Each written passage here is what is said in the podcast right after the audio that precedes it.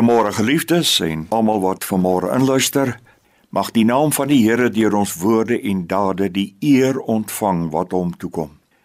Kom ons bely ons afhanklikheid van hom. Ons hulp is in die naam van die Here wat hemel en aarde gemaak het, wat trou bly tot in ewigheid en nooit laat vaar die werke van sy hande nie.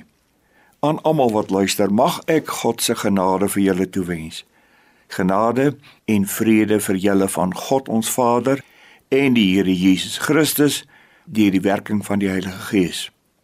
Kom ons sing saam lied 175 Majesteit.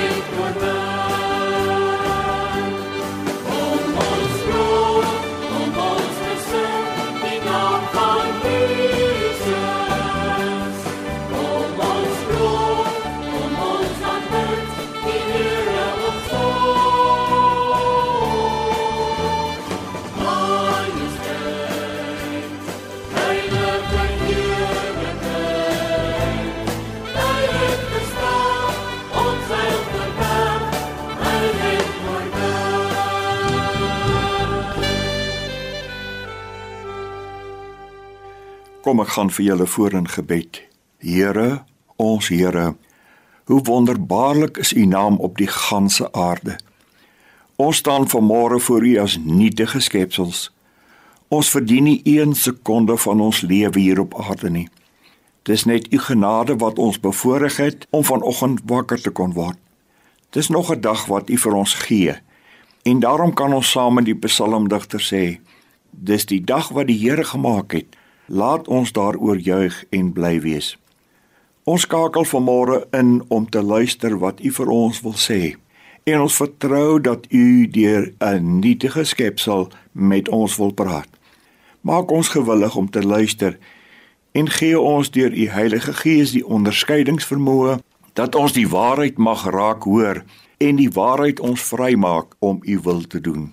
In Jesus naam. Amen. Ons het nou onlangs weer die uitstorting van die Heilige Gees herdenk en gevier. En na aanleiding daarvan wil ek vir julle vanmôre vyf skilderye van die kerk van Jesus Christus na Pinkster ophang in die hoop dat ons iets sal sien van hoe God sy kerk toerus vir ons getuienistaak op aarde, die krisisse wat Jesus se kerk ervaar en uiteindelik die kerk wat gaan triomfeer. En om skrifgetrou te probeer bly, het ek 'n paar tekste op een na almal uit Handelinge geneem. Kom ek lees dit vir julle, so wees geduldig. Handelinge 2, 1 tot 4. Toe die dag van die Pinksterfees aanbreek, was hulle almal op een plek bymekaar. Skielik was daar 'n geluid soos vanuit die hemel, soos van 'n geweldige stormwind, en dit het die hele vertrek gevul waar hulle gesit het. Hulle het iets soos vuur gesien wat in tonge verdeel en op elkeen van hulle gekom het. Almal is met die Heilige Gees vervul en hulle het in ander tale begin praat. Toe die mense die geluid hoor, het 'n groot skare saamgedrom en omdat elkeen gehoor het hoe daar in sy eie taal gepraat word, het hulle nie geweet hoe hulle dit het nie. Handelinge 2 vers 37 is nou na Petrus se preek By die aanhoor hiervan is die mense diep getref en het hulle vir Petrus en die ander apostels gevra: "Wat moet ons doen, broers?" Toe antwoord Petrus: "Bekeer julle." Handelinge 4:1 tot 3 Terwyl Petrus en Johannes nog besig was om die volk toe te spreek, het die priesters en die bevelvoerder van die tempelwag en die Sadduseërs op hulle afgekom, ewig ontsteld omdat hulle die volk onderrig en in Jesus die opstanding uit die dood verkondig. Hulle het hulle toe gevange geneem. Handelinge 8 vers 1 en vers 4 Op daardie dag het daar 'n ewige vervolging teen die gemeente in Jerusalem ontstaan en almal behalwe die apostels is deur die streke van Judea en Samaria verstrooi. Die wat verstrooi is, het rondgetrek en die evangeliewoord verkondig. Handelinge 5 1:4 'n man met die naam van Ananias het saam met sy vrou Safira 'n stuk grond verkoop. Maar hy het met sy vrou se medewete van die geld vir homself teruggehou en het 'n gedeelte gebring en aan die voete van die apostels neergelê. Petrus het toe gesê: "Ananias, waarom het die Satan jou hart vervul sodat jy vir die Heilige Gees gelieg en vir jouself van die geld teruggehou het?" En dan laastens Openbaring 7 vers 9. Hierna het ek gesien en kyk, daar was 'n baie groot skare wat niemand kon tel nie. Hulle was afkomstig uit elke nasie en stam en volk en taal en het voor die troon gestaan en voor die lam.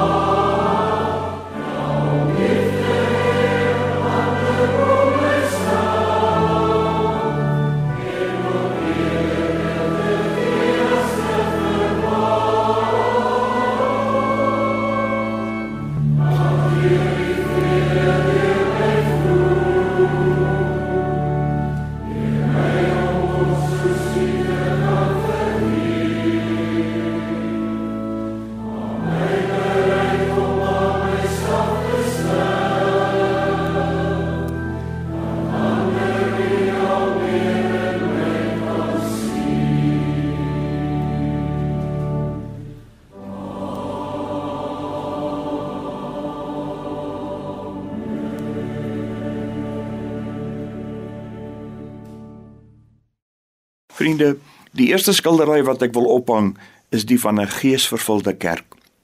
Ek wil beweer dat die disippels hoegenaamd nie 'n idee gehad het wat hulle kan verwag toe hulle moes wag op die koms van die Heilige Gees nie. Hoe sou hulle dan ook? Hulle wag op 'n gebeurtenis wat vir die eerste keer in mense heugenis moes plaasvind. 'n Geeskuddende gebeurtenis. 'n Gebeurtenis wat die gang van die wêreldgeskiedenis sou verander. 'n gebeurtenis wat 120 bang mense sou vermeerder tot miljoene volgelinge in ons dag. Kyk wat gebeur met die disippels. Kyk net die verandering wat by hulle ingetree het nadat hulle met die Heilige Gees vervul is. Van 'n klein groepie biddende volgelinge verander die Heilige Gees hulle in 'n klomp besielende, getuigende disippels met Petrus. Verbeel jou Petrus nogal die hoofspreker. Hy is die dominee. Die man wat nie lank gelede vir Jesus voor die diensmeisie verloon het en gesê het ek ken hom nie. Hy gestaan op die preekstoel voor 'n skare mense en praat met groot vrymoedigheid en 3000 mense kom tot bekering. Dink julle die massa bekering is te danke aan Petrus se goeie preek? Ek wonder. Gaan lees maar weer sy preek. Ja, hy het skrifgetrou gepreek. Mooi Bybel uitleg, aktueel en hy het Jesus as die opgestane Here verkondig. Maar is niks anders as enige ander preek wat jy ook seker al gehoor het. Maar wat was dan anders? Wat anders was, is dat die Heilige Gees werksaam was. En toe die Heilige Gees werk, gebeur iets buitengewoons. Mense kom tot sondeberou en bekering. Dink net wat kan gebeur as ons in hierdie land van ons weer 'n besondere ingrype van die Heilige Gees kan ervaar en mense tot berou en bekering kom en die Heilige Gees ons lewenswyse verander. Ons sal die land nie ken nie. Nee vriende, Petrus het 'n doodgewone preek gelewer. Petrus se oproep is baie eenvoudig: Bekeer julle. Natuurlik As Petrus hulle oproep tot bekering, dan vra hy eerstens vir hulle 'n verandering van gesindheid, 'n verandering van denke. Want dit is wat die Griekse woord metanoia beteken, om anders te dink as voorheen, anders te dink oor God, anders te dink oor Jesus as 'n redder, anders te dink oor die Heilige Gees, anders te dink oor my sonde.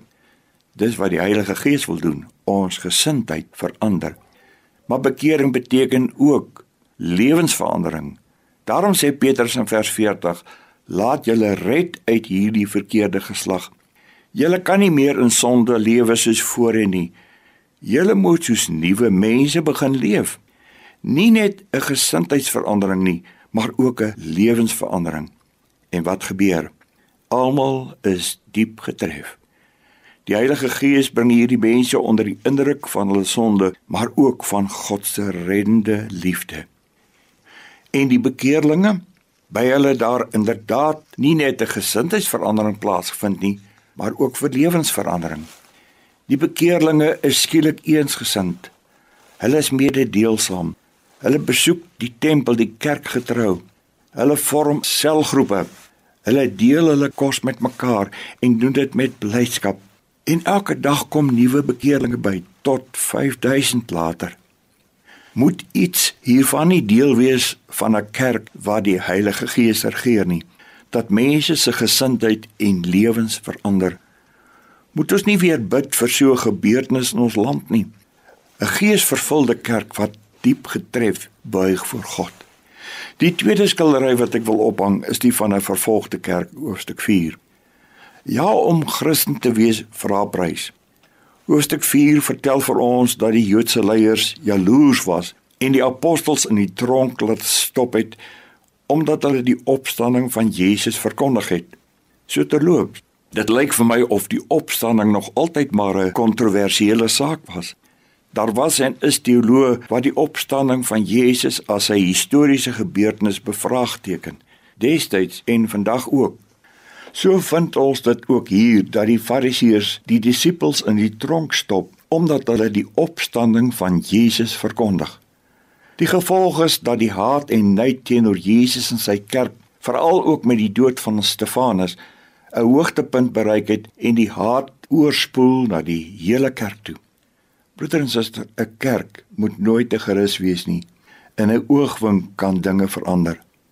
Ek het vir myself afgevra, dopper, is jy regtig blootgestel aan vervolging?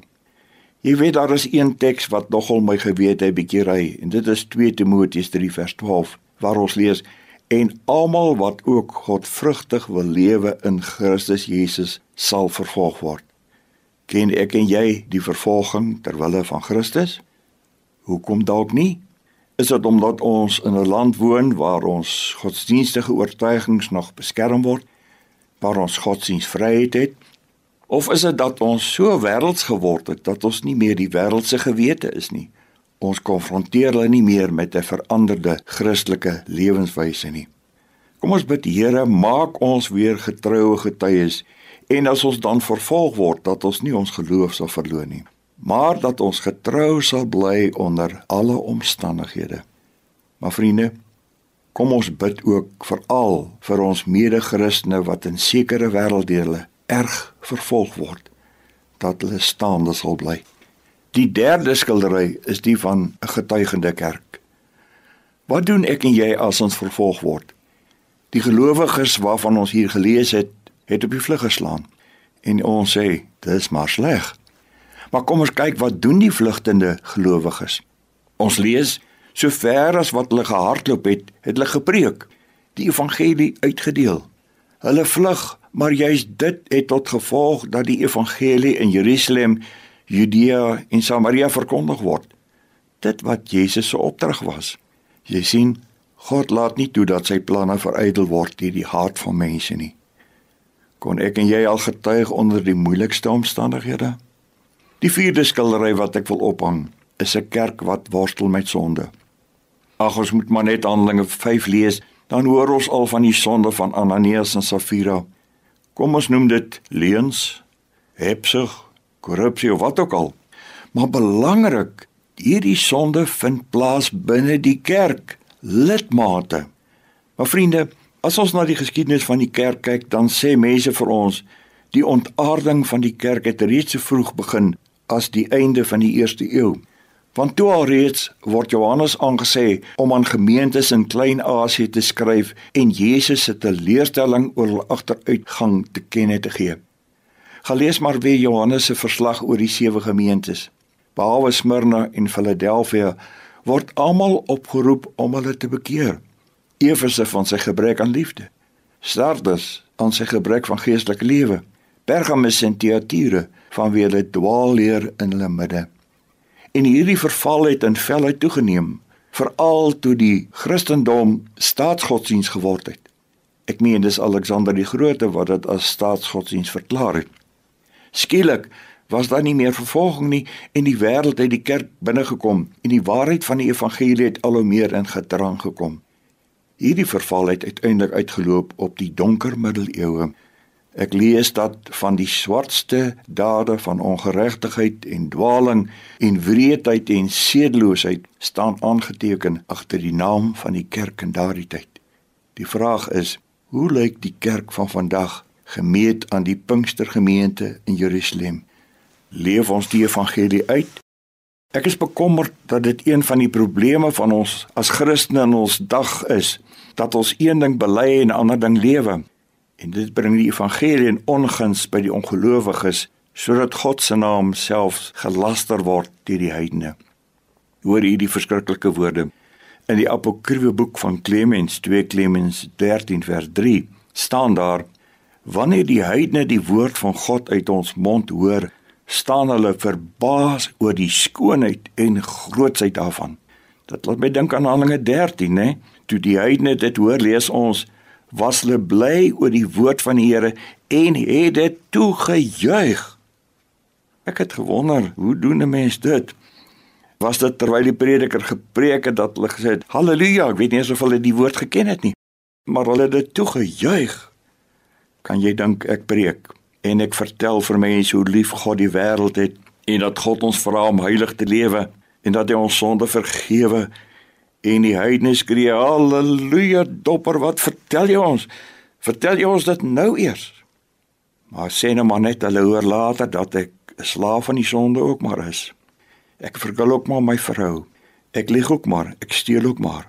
Weet julle wat sê Clemens? Hy sê dan later wanneer hulle agterkom dat ons dade onwaardig is aan ons woorde, slaan hulle oor na lastering en beweer dat alles 'n blote storie en dwaaling is kan ons hulle kwaadlik neem.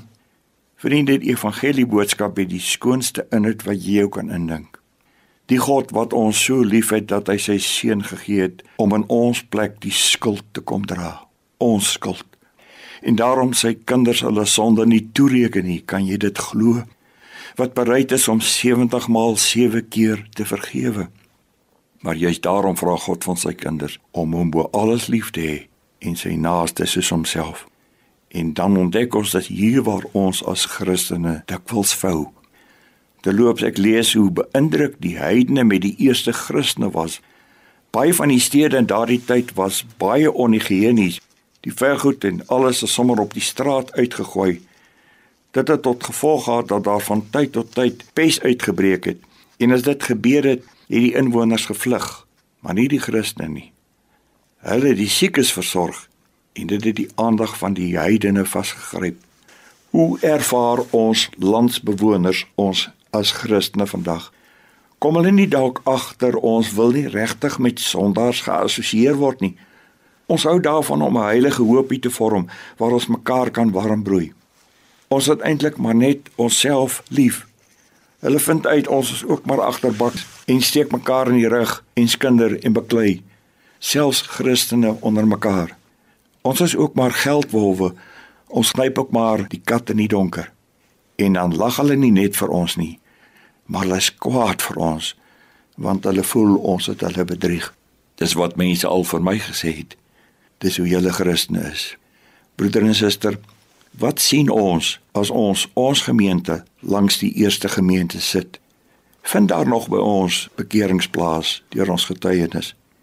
Beleef ons die krag van die Heilige Gees eerstehands soos die eerste gemeente? Bid ons nog of is die invloed van die wêreld eenvoudig besig om oor ons te spoel sodat ons verslaaf is aan dieselfde sonde as die wêreld? Ons lieg ook maar vir mekaar. Ons het min eerbied vir die lewe van mense. Mammon bly nog maar steeds ons nommer 1 gevaar ensovoorts ensovoorts. As dit dan so is, dan het ons gemeente ook soos die mense in Jerusalem bekering nodig. Die vyfde en laaste skildery is die van Goddank 'n triomferende kerk. 'n Kerk wat begin het met twee vissermanne en gegroei het tot 12 en later 120 en toe 3000 en nog later 5000 en toe sy pad gevind het oor die hele wêreld. Totdat ons in Openbaring 7 lees van die skare voor God se troon wat niemand kon tel nie. 'n Skare wat uitroep: Ons redding kom van ons God wat op die troon sit en van die lam. En weet jy dat hierdie bloeiende, worstelende, lydende, groeiende kerk die werk van die Heilige Gees is? Wat moet ons vanmôre vir onsself afvra oor die kerk? Ek dink ons moet vir onsself sê, as ons wil voldoen aan 'n Pinkstergemeente, moet ons weer tot die besef kom dat die kerk die werk van die Heilige Gees is. En as die gemeente die werk van die Heilige Gees is, is dit logies dat die gemeente op geen ander manier bestuur kan word as onder leiding van die Heilige Gees nie. 'n Gemeente waarin die Heilige Gees nie werksaam is nie, is dood eenvoudig 'n dooie gemeente. Broeder en suster, die kerk kan nie regtig deur mense gebou word nie. Elke gelowige lidmaat benodig die inwonende krag van die Heilige Gees as hy of sy in diens van die Here wil staan. Besef jy dat as Jesus Christus in jou woon, die Heilige Gees ook in jou woon? Hoe anders gaan jy met vrymoedigheid getuig? Besef ek en jy hoe afhanklik ons van die Heilige Gees is. Kom ons begin om ons getuienis in woord en daad uit te leef. Wie weet, dalk verander die Here die gesindheid van mense se harte en lewens ten goeie. En wie weet, dalk word Suid-Afrika die toonbeeld van God se genade en vervul ons God ons met diep ontzag oor wat hy kan doen. Amen. Kom laat ons aanbid. Ons Vader wat in die hemel woon. Ek het vanmôre in al my swakheid vir my medegelowiges vyf skilderye van u kerk probeer ophang. Nie elke skildery was ewe mooi nie, maar die mooies was uitsonderlik goddelik mooi, want dit het weer u liefde en omgee en bemoeienis met ons gedemonstreer. En dit het ons harte opnuut bly gemaak en ons bewondering vir u laat herleef. En die wat minder mooi was, het ons met hartseer en sonde besef gevul. Ons sou dit so graag anders wou hê. En ek weet die wêreld lag baie keer vir ons. Maar hulle besef nie dat ons nie volmaakte mense is nie, maar vrygespreekte mense. U het mos die hele skuldlas op u geneem, maar juist daarom wil ons met alle mag leef om u naam te verheerlik. Laat u Heilige Gees ons weer opnuut aanraak en ons vul met liefde en omgee vir 'n verlore gaande wêreld. Dis tog vir hulle wat U ook gebid het toe U gesê het: Ek bid ook vir die wat deur hulle woorde tot geloof in my sal kom. Asseblief Here, laat dit waar word. Amen. Vriende, ek glo u as gelowige lidmate ken hierdie drie enige God. Maar kom ons bely vanmôre weer wie hy is.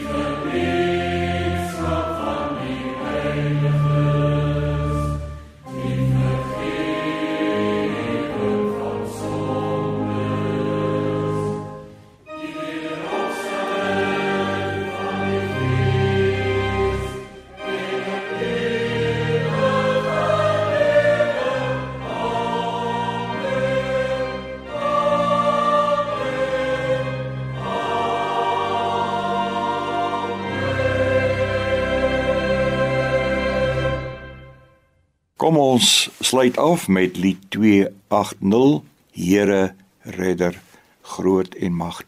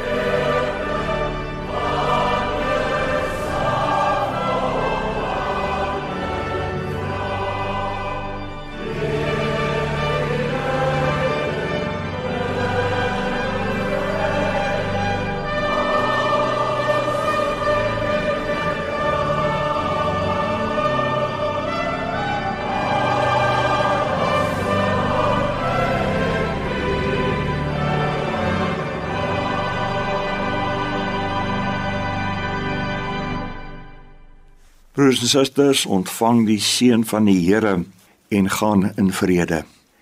Die genade van ons Here Jesus Christus, die liefde van God ons Vader en die gemeenskap van die Heilige Gees bly met julle almal. Amen.